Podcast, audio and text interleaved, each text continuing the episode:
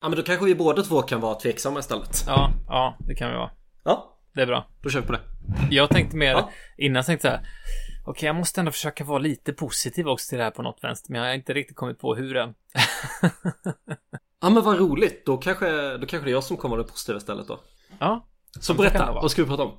vi ska prata om en ny eh, datum och tidstandard eh, i JavaScript som kallas för temporal. Och eh, tanken med det är att ersätta då date som vi har med oss från 98 tror jag, om jag läste eh, rätt någonstans. Och JavaScripts date är baserat då på Javas dateutil från 98. Den deprekerades sen 99 och är helt borta sen 2000 eller 2001. Så det är för att den var så dålig. Eh, Men vi som jobbar med JavaScript, vi får leva kvar med detta då.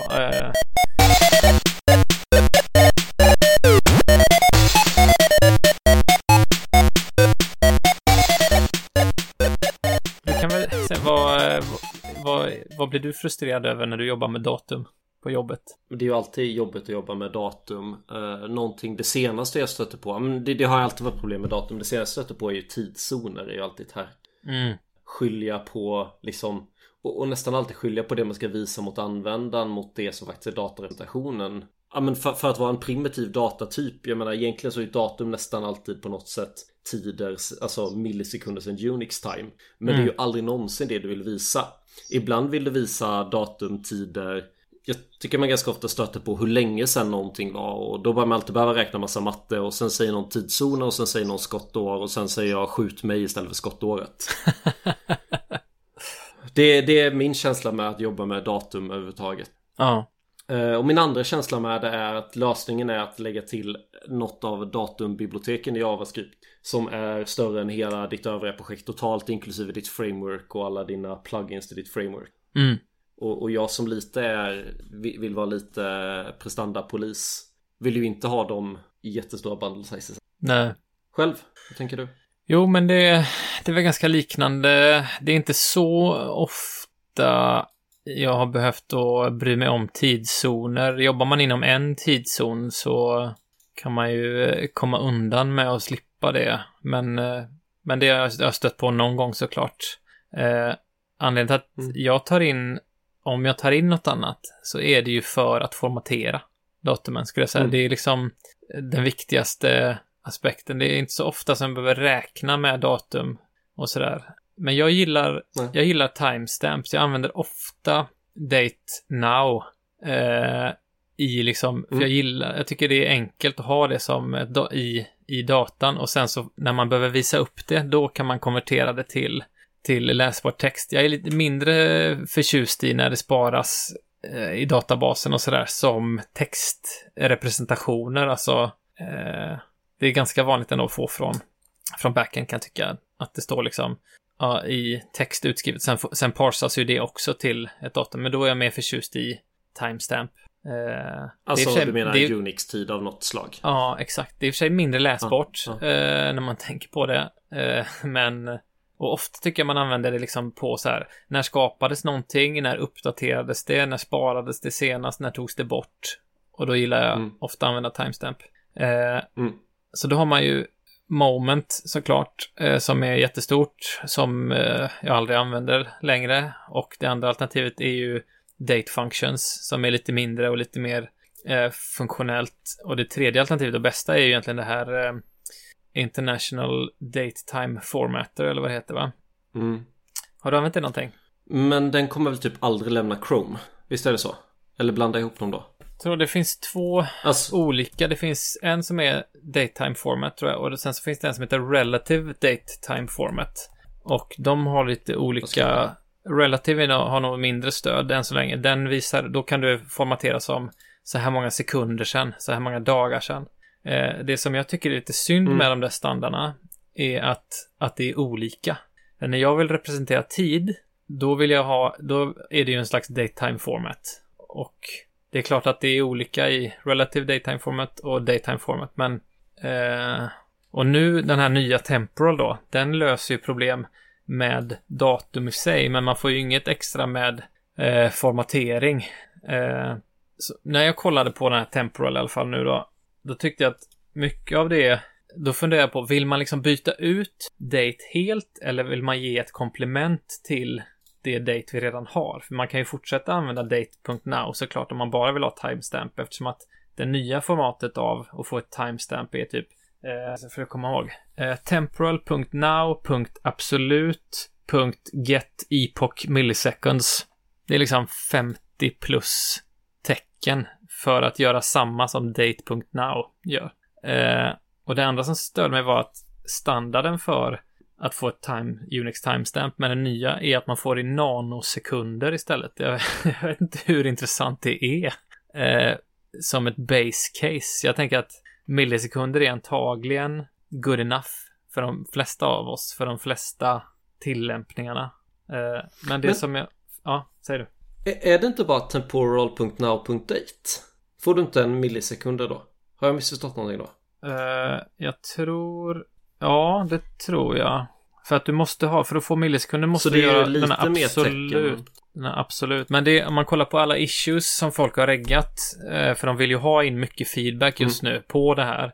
Och nästan allt är ju att mm. många tycker att det är alldeles för mycket att skriva. Det är alldeles för många tecken och sådär. Så mm. utifrån det så skulle jag säga att det här kommer inte byta ut något av våra eh, bibliotek för att hantera datorn. För att det, det blir alldeles för mycket att skriva. Liksom. Så att det, det, däremot så kommer det nog komma en abstraktion som har det här bakom istället för att ha massa annat. Så att det kommer inte ta så mycket plats. Men jag har svårt att se att folk skulle jobba om man inte gör någon rent, liksom jobba med något som är väldigt så, gör en kalender eller något sånt där. Mm. Det verkar lite jobbigt att jobba med helt enkelt. Det blir väldigt ja. mycket text och när det blir mycket text då blir det inte riktigt läsbart heller. Det är ju alltid dilemmat, mycket tecken men då blir det oftast tydligare. Det är som långa variabelnamn. Jag är lite mm. tudelad. Jag tycker nästan om mycket tecken eftersom att Eftersom att min editor ofta fyller i dem åt mig. Då kan jag nästan tycka det är bättre med många tecken. Mm. Men, men jag, jag, ser det som att den helt och hållet försöker ersätta date. Alltså helt och hållet ersätta date. Just det. Allt som finns där. Och det känns som att den gör det, de funktioner som kommer är väldigt, ska vi säga matematiska. Det handlar ju inte om att visa tid utan det handlar om att avrunda tid, tidszoner och det är Ja men eh, vad är det här datumet om 300 dagar? Att sånt ska bli smidigt. Just det vi gör i date idag men vi gör det väldigt osmidigt i date. Mm. Men jag tycker, jag tittar på det här API då, kan, mm. då kanske jag bara blir eh, eh, nostalgisk och eh, romantisk bakåt. Men jag, jag, det, det, som jag ser det som positivt är eh, timezones, eh, superbra. Och, mm. eh, eh, och vad var det mer jag tänkte på? Att det är, jo, att det är, är immutable. Mm.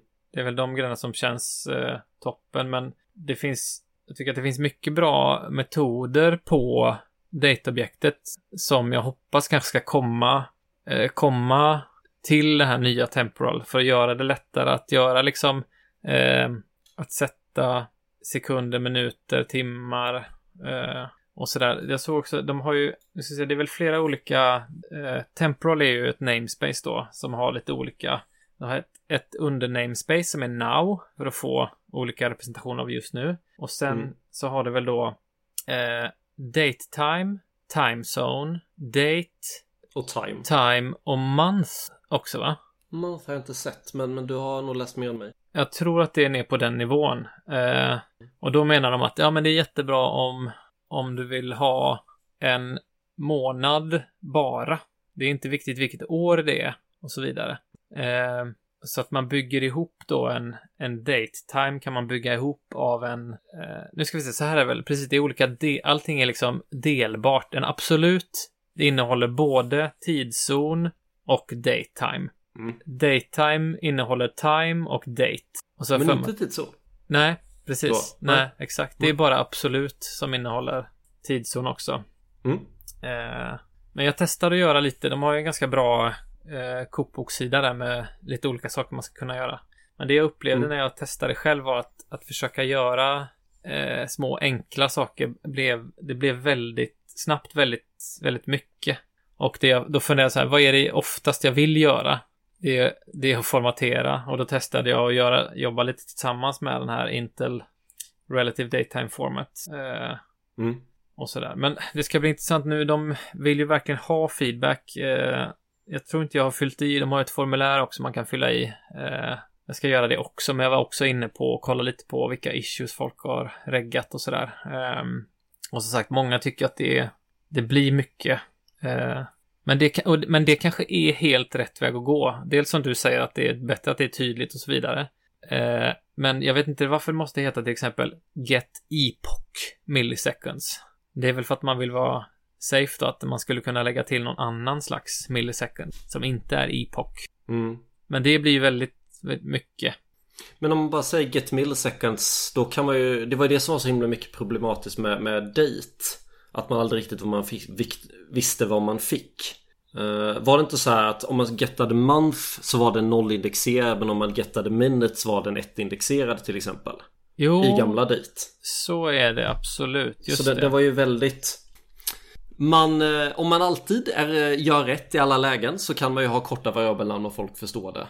Mm. Uh, men finns det en tvetydighet så kan man ska förtydliga det i variabelnamnet och då kan jag tycka att det är bra att de, att de skriver ut att det är epoch milliseconds. Annars kan man förvänta sig, skriver man bara get milliseconds kan man förvänta sig ett värde mellan 0 och 999. Just det. Nej, jag vet inte. Ja. Ja, men jag, jag satt och funderade lite på det som jag tyckte är viktigast, eh, viktigast för mig med att jobba med datum. Det är att ha ett timestamp. Och det, var, det blir lite jobbigt med detta, Mm. men då har vi ju kvar, det gamla finns ju kvar om man vill använda det. Eh, formatering, detta löser inte formatering. Eh, möjligtvis tidszons eh, då, vilket är jättebra. Eh, och tidszon. Eh, det var en annan sak som jag, som jag tyckte om med detta som finns i eh, alla absolut datum av typen absolut. Då finns det en difference-metod som man kan jämföra med ett annat datum. Ja. Och så får man ut en duration. Det är också en, en av de nya datatyperna då. Mm. och det som var lite irriterande med den var att du kan inte göra difference på... Du kan bara göra difference åt ena hållet. Du kan aldrig få ett minusresultat från difference. Då får du istället ett range error. Det innebär Mhm. att den första, den som du anropar difference på, måste vara större eller då senare i tid än den du jämför med. Mm. Och det, det kändes som att det var... Då måste man ju veta det först, men det kanske man inte vet. Man vill ju anropa difference för att få. Sen om det är liksom plus eller minus spelar ingen roll. Men i det här fallet gör du ju det eftersom att den jämför datatypen och tyckte det kan ju aldrig bli en minusdifferens då. Vilket jag tyckte var kanske lite konstigt. Ja. Ja, det verkar ju skumt. Mm. För när, sitt, alltså, när man bara läser kokboken och bara läser exemplen där så tycker jag det finns ja, men jag, jag läser något om så här Get Business Open State Text Alltså en funktion där man skickar in vad klockan är nu och vilken tidszon jag har och vilka öppettider som, bo, som, som the business har. Och ett snart-fönster och snart-fönstret var en sån här duration då. Mm. Där man kan få tillbaka strängen öppen, stängd Men också öppna snart eller stänger snart Mm. men, men, men som du säger, det blir en jäkla massa kod att läsa igenom Ja, det blir det verkligen. Så det känns lite som en stolpe ut, känns det som. Jag vet inte, det ska bli... Lite, Det känns ju... eller tar de för... Vad sa du?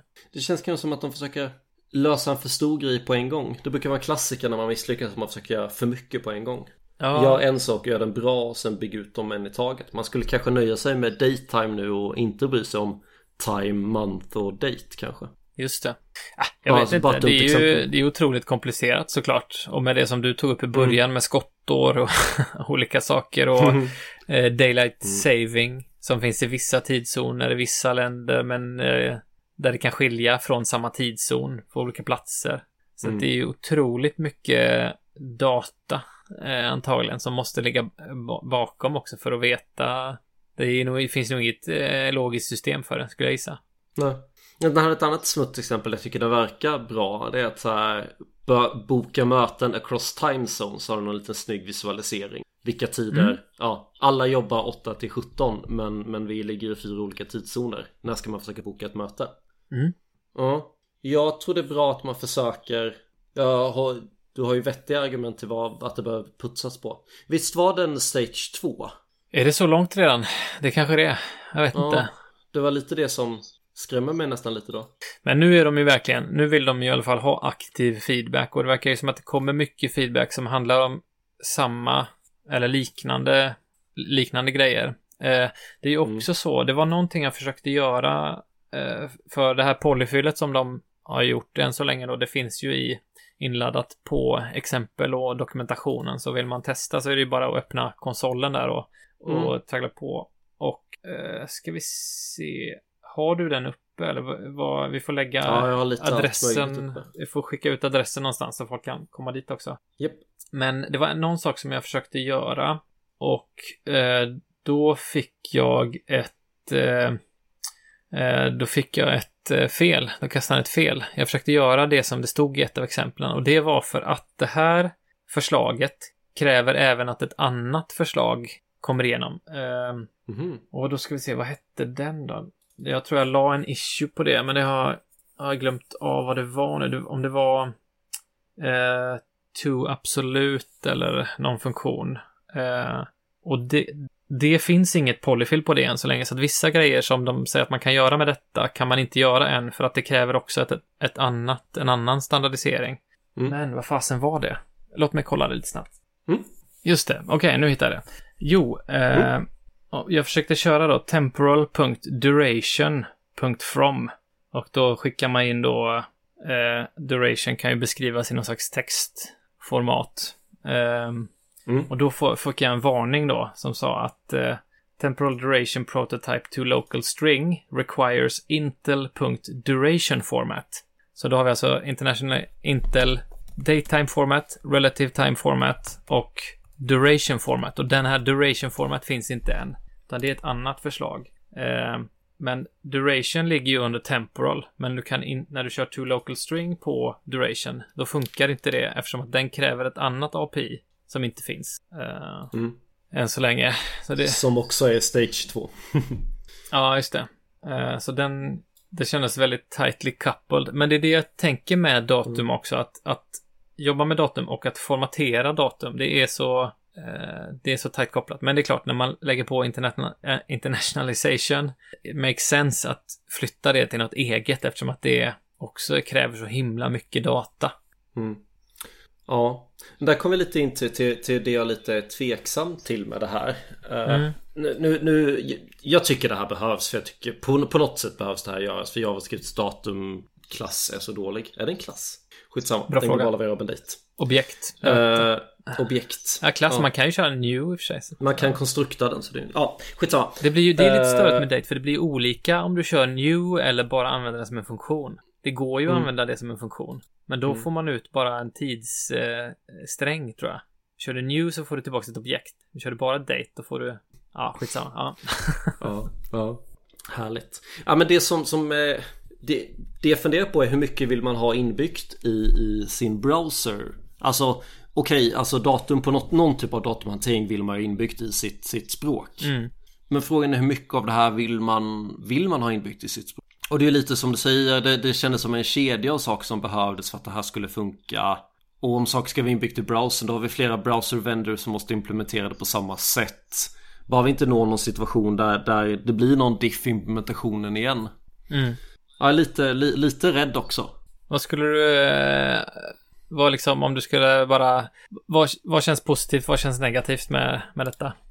Ja, men det som känns positivt är att det känns som att det är ett, ett för gammalt API. API alltså det är inte, det det är dålig DX vad man ska säga. Developer experience på Date är dålig. Eh, men det känns som att den här eh, nya förslaget Temporal känns lite för komplext på något sätt. Är min spontana. Ja. Om man kollar på, jag, jag hoppade in i specifikationen på TS39s eh, sida. Mm. Och just, då får man sån här gammal ful härlig API-dokumentation. Den känns alldeles för lång. Det gör den behöver man alltid. göra allt. Det gör den alltid. Mm.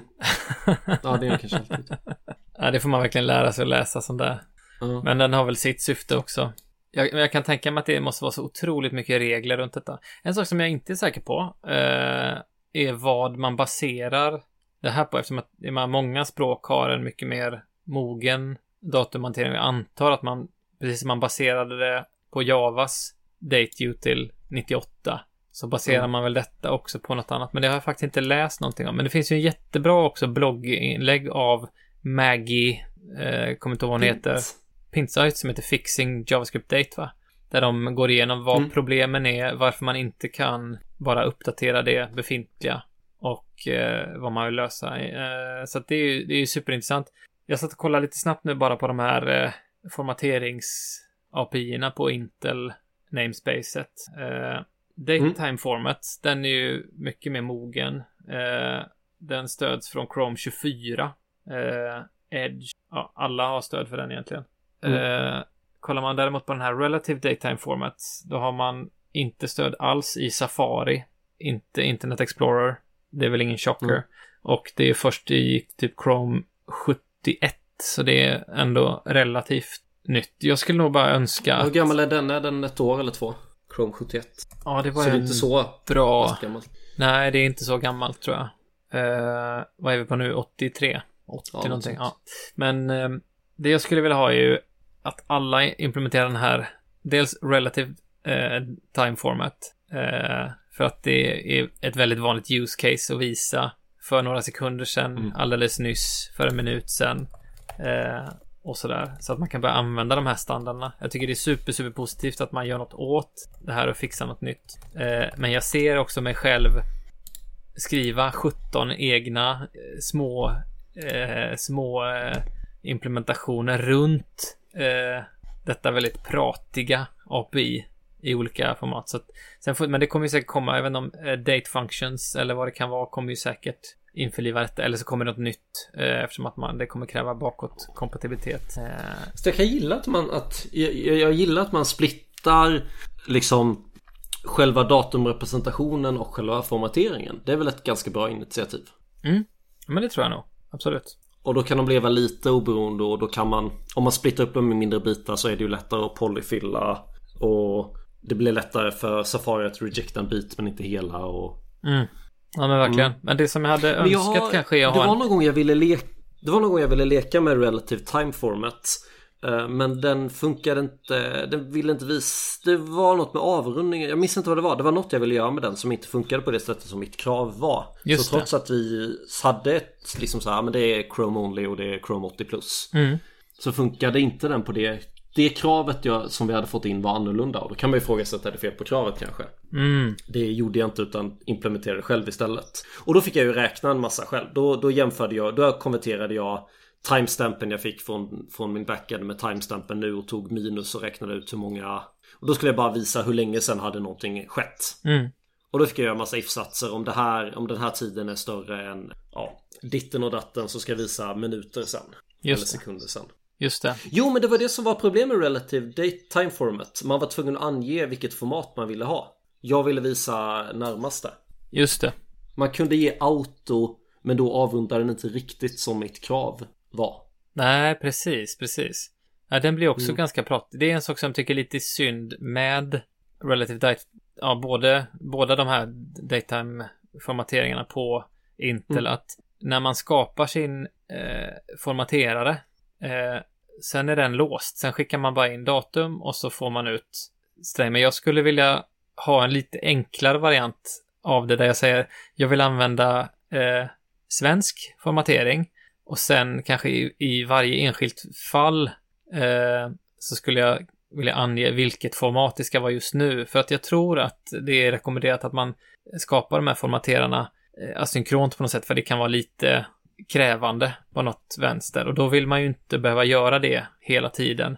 Men eftersom att man nu då måste skapa en formaterare per formatering man vill ha, då blir det lätt att bara skapa, okej, okay, då skapar vi upp 50 formaterare för det är de olika sätten vi vill representera datum. Om det är bara tid, tid med ett datum för att det inte var i denna månaden eller ja, mm. och så vidare, och så vidare. Är det idag så kanske man bara vill ha tid och minuter. Eh, var det mindre än fem minuter sedan så vill man ha den relativa varianten. Eh, det blir väldigt snabbt många olika småfall som du säger. Det är antag- jag vet inte om det var det som var i, i din kravställning också. Jo, precis så. Exakt, och som du sa att eh, ja, man måste räkna ut då hur många sekunder och tider. Det fanns någonting på den här nya nu som var Eh, ska vi se. När man skickade med det largest unit, just det. Eh, om man gjorde en difference då mellan två absoluta datum. Eh, mm. Och då får man tillbaks ett objekt, tror jag, med olika units. Då har de delat upp det då på eh, på hur många sekunder, hur många hela sekunder då, hur många millisekunder och så vidare. Eh, Mm. Om man inte anger någonting, då får man tillbaks eh, sekunder som default largest unit second. Så då kan du få liksom flera dagar i sekunder. Så då måste du också skicka Mm. in och säga att eh, nej, men jag vill ha largest unit hours till exempel. För då är det lätt för dig att se också. Är det någon timme överhuvudtaget? Nej, det är noll timmar. Okej, bra, det är bara sekunder. Ehm, Mm. Eller minutes.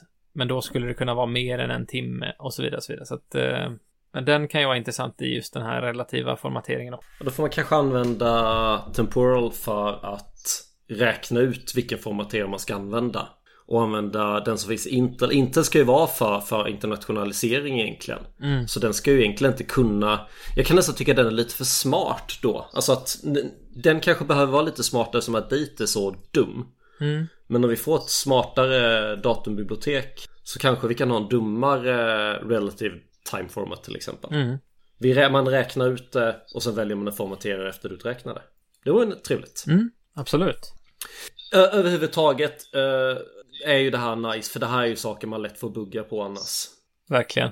Det ska bli jättespännande att se hur de Mm. tar till sig feedbacken som kommer in nu från communityn och vad, eh, vad som kommer hända med det. Jag skulle gärna se några eh, genvägsmetoder, några lättare. Det var någon som föreslog att, för det, eftersom att allting då in, eller säga, temporal är ett namespace och sen är det namespace under det och sen är det metoder så man får liksom direkt, eh, det blir två stycken, eh, vad kallas det för? Eh, member Man expressions. ska ha två punkter innan man kan göra något vettigt. Exakt, exakt. Och då var de så här, ah, nej men det är bara objekt. Ja, men det är ju, jag menar, även funktioner eh, kan ju ha metoder på sig. Så att, eh, att man skulle kunna ha då temporal.now kan också vara en funktion. Sen har den andra objekt på sig och så vidare. Det är inget som hindrar det i JavaScript eftersom att det är så dynamiskt. Men ja, vi får väl se vad som, vad det blir. Mm. Ja, vi väntar med spänning helt Mm. enkelt. Verkligen, verkligen. Mm.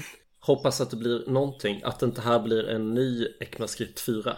Det är väl det de kanske försöker undvika genom att vara så detaljerad som möjligt. Det är ju bra på ett sätt att vara låg nivå på språket och sen så får man skapa abstraktioner på det.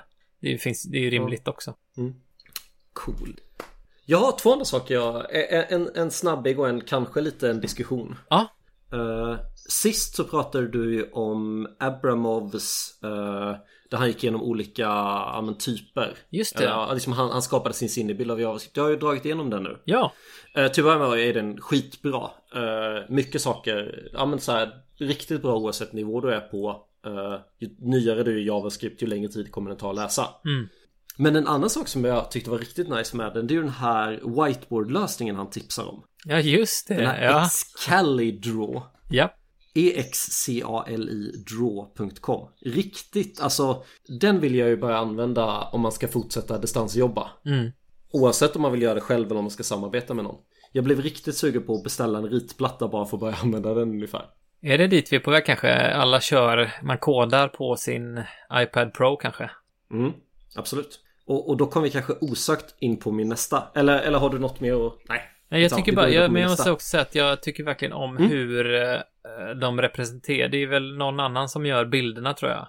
Men hur de representerar koden i bilder är väldigt eh, eh, kraftfullt för att förstå, för att skapa den här mentala modellen av språket. Jag tycker den är toppen. Mm, absolut. Ett riktigt bra sätt. Visualisering är ju alltid ett bra sätt att göra någonting svårt mycket enklare. Mm. Mm. Men då, då, då tänker jag haka på på nästa sak. Då är det så roligt att du gör en radioövergång åt mig när du säger att man ska koda på sin iPad Pro.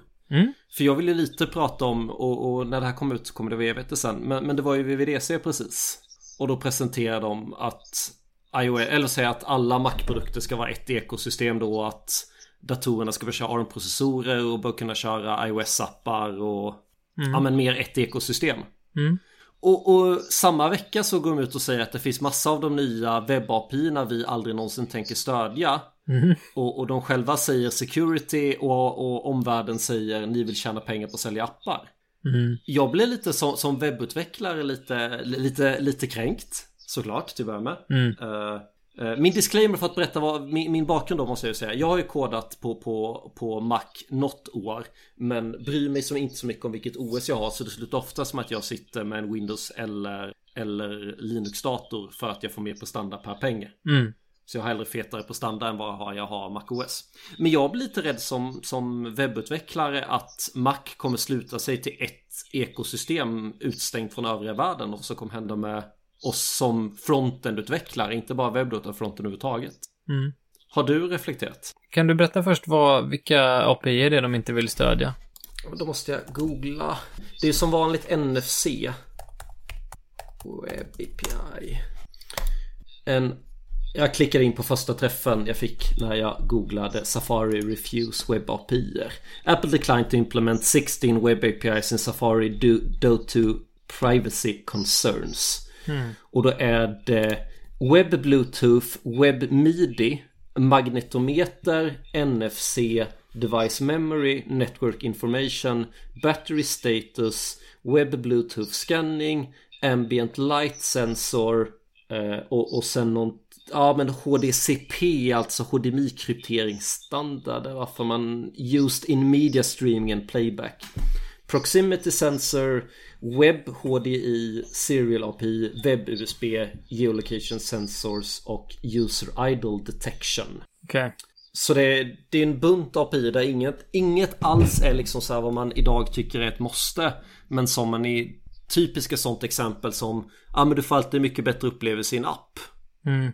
Mm, hade man fått hälften av de där API så hade man kunnat börja skapa betydligt bättre webbar. Ja, det är väldigt tråkigt. Jag håller med. Man ser Chrome går åt precis andra hållet och de, de trycker ju verkligen på för PVA och native web. Mm. Eh, och gör det enklare att lansera grejerna direkt som eh, Chrome-appar eller som, eh, som desktop-appar eller på, eller för att komma in i Google Play Store med sin PVA. Mm. Det är lite konstigt för när de lanserade appar från början, när iPhone började med det, då var väl, som jag förstått det, så var tanken då att det skulle vara webbappar, HTML, CSS, JavaScript. Mm. Sen har man ju gått ifrån det med och man bygger ju liksom egna språk och egna liksom layout-motorer och...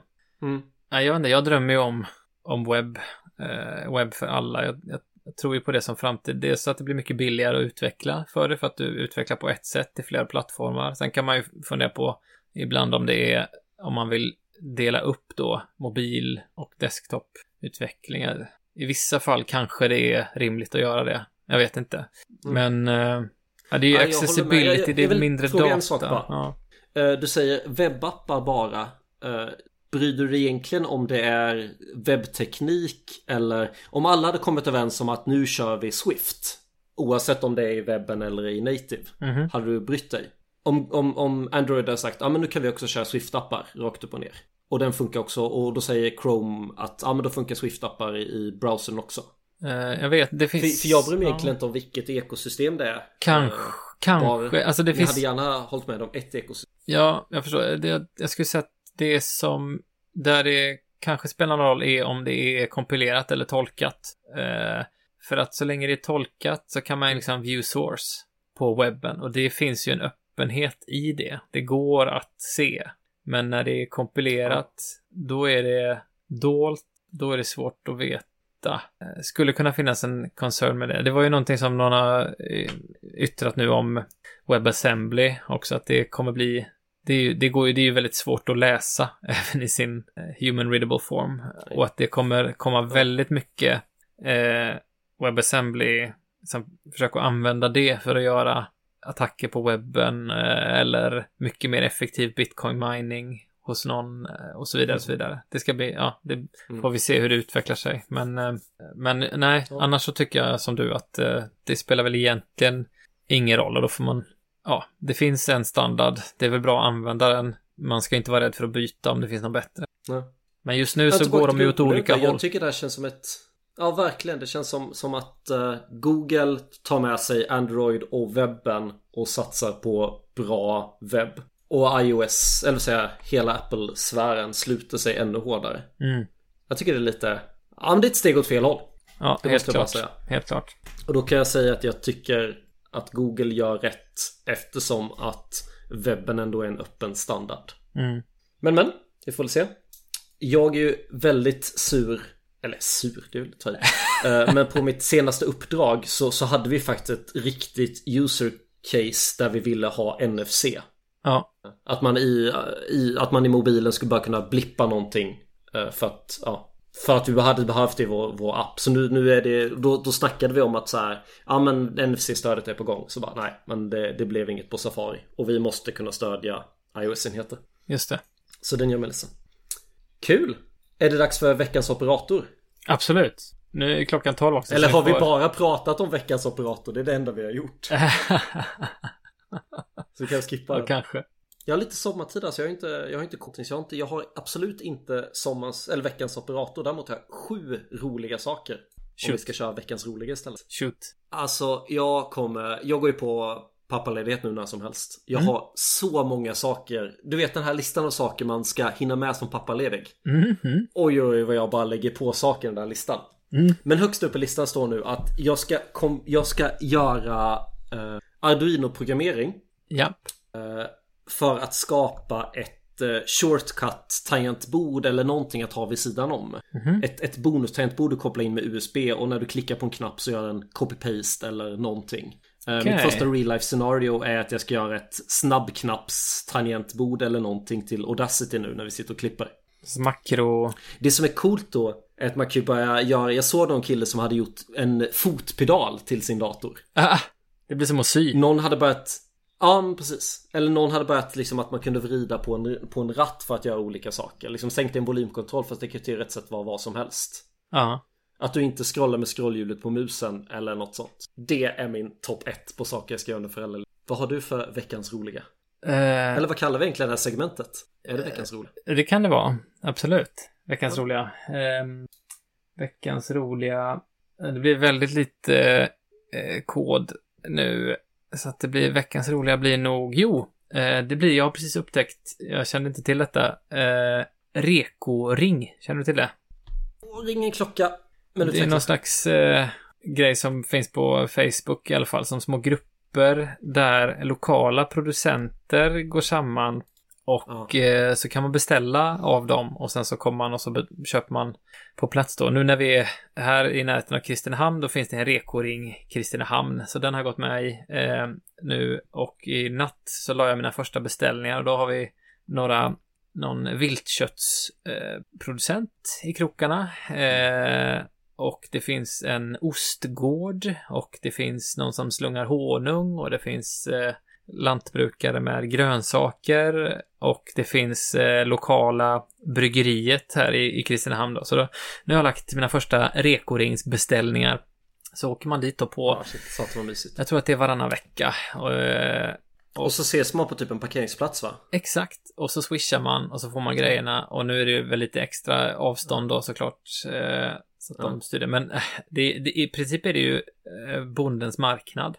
Eh, Mm. Fast allting är förbeställt. Men det känns så jädra trevligt. Eh, och Mm. jag längtar efter att testa den här eldost, lokala eldosten och eh, hjortsalamin. Eller vad det var jag hade köpt nu. Mm. Ja. En eh, open sourcead matbutik helt enkelt. Ja men verkligen. Jag har tänkt på det mycket att just folk jag såg ett inslag på eh, Aktuellt eller Rapport för, förra veckan eh, från Göteborg och då var det någon köttproducent som de hade förlorat all, de levererade mycket till restauranger och det blev ju noll på en sekund. Men det intressanta var att Mm. de har tagit igen allt det på att sälja lokalt istället. Det är klart att det blir lite mer administration och så vidare, men eh, det känns ju så jädra rätt att handla nära. Och nu när vi inte kan skeppa grejer över hela världen så blir det ju också lite ögonöppnare att det är kanske bra att stödja de här närodlare så att när det skiter sig nästa gång då har vi liksom en stark, starkt jordbruk för att kunna klara oss. låter Så det känns bra. Det känns toppen. Det är, jag, min flickvän berättade sen att hon redan var med i detta i Stockholm så att eh, det hade jag missat att det fanns men det ska jag gå med i såklart då. Mm. och börja köra på hemmaplan också. Och jag kom på varför jag kände igen det för det är ju faktiskt så att min kusin är en leverantör till det här i Ja, Växjö. coolt. Ja. Tack för idag. Tack själv. Tack Ha för att ni bra. lyssnat. ha det bra. Hej. Hej!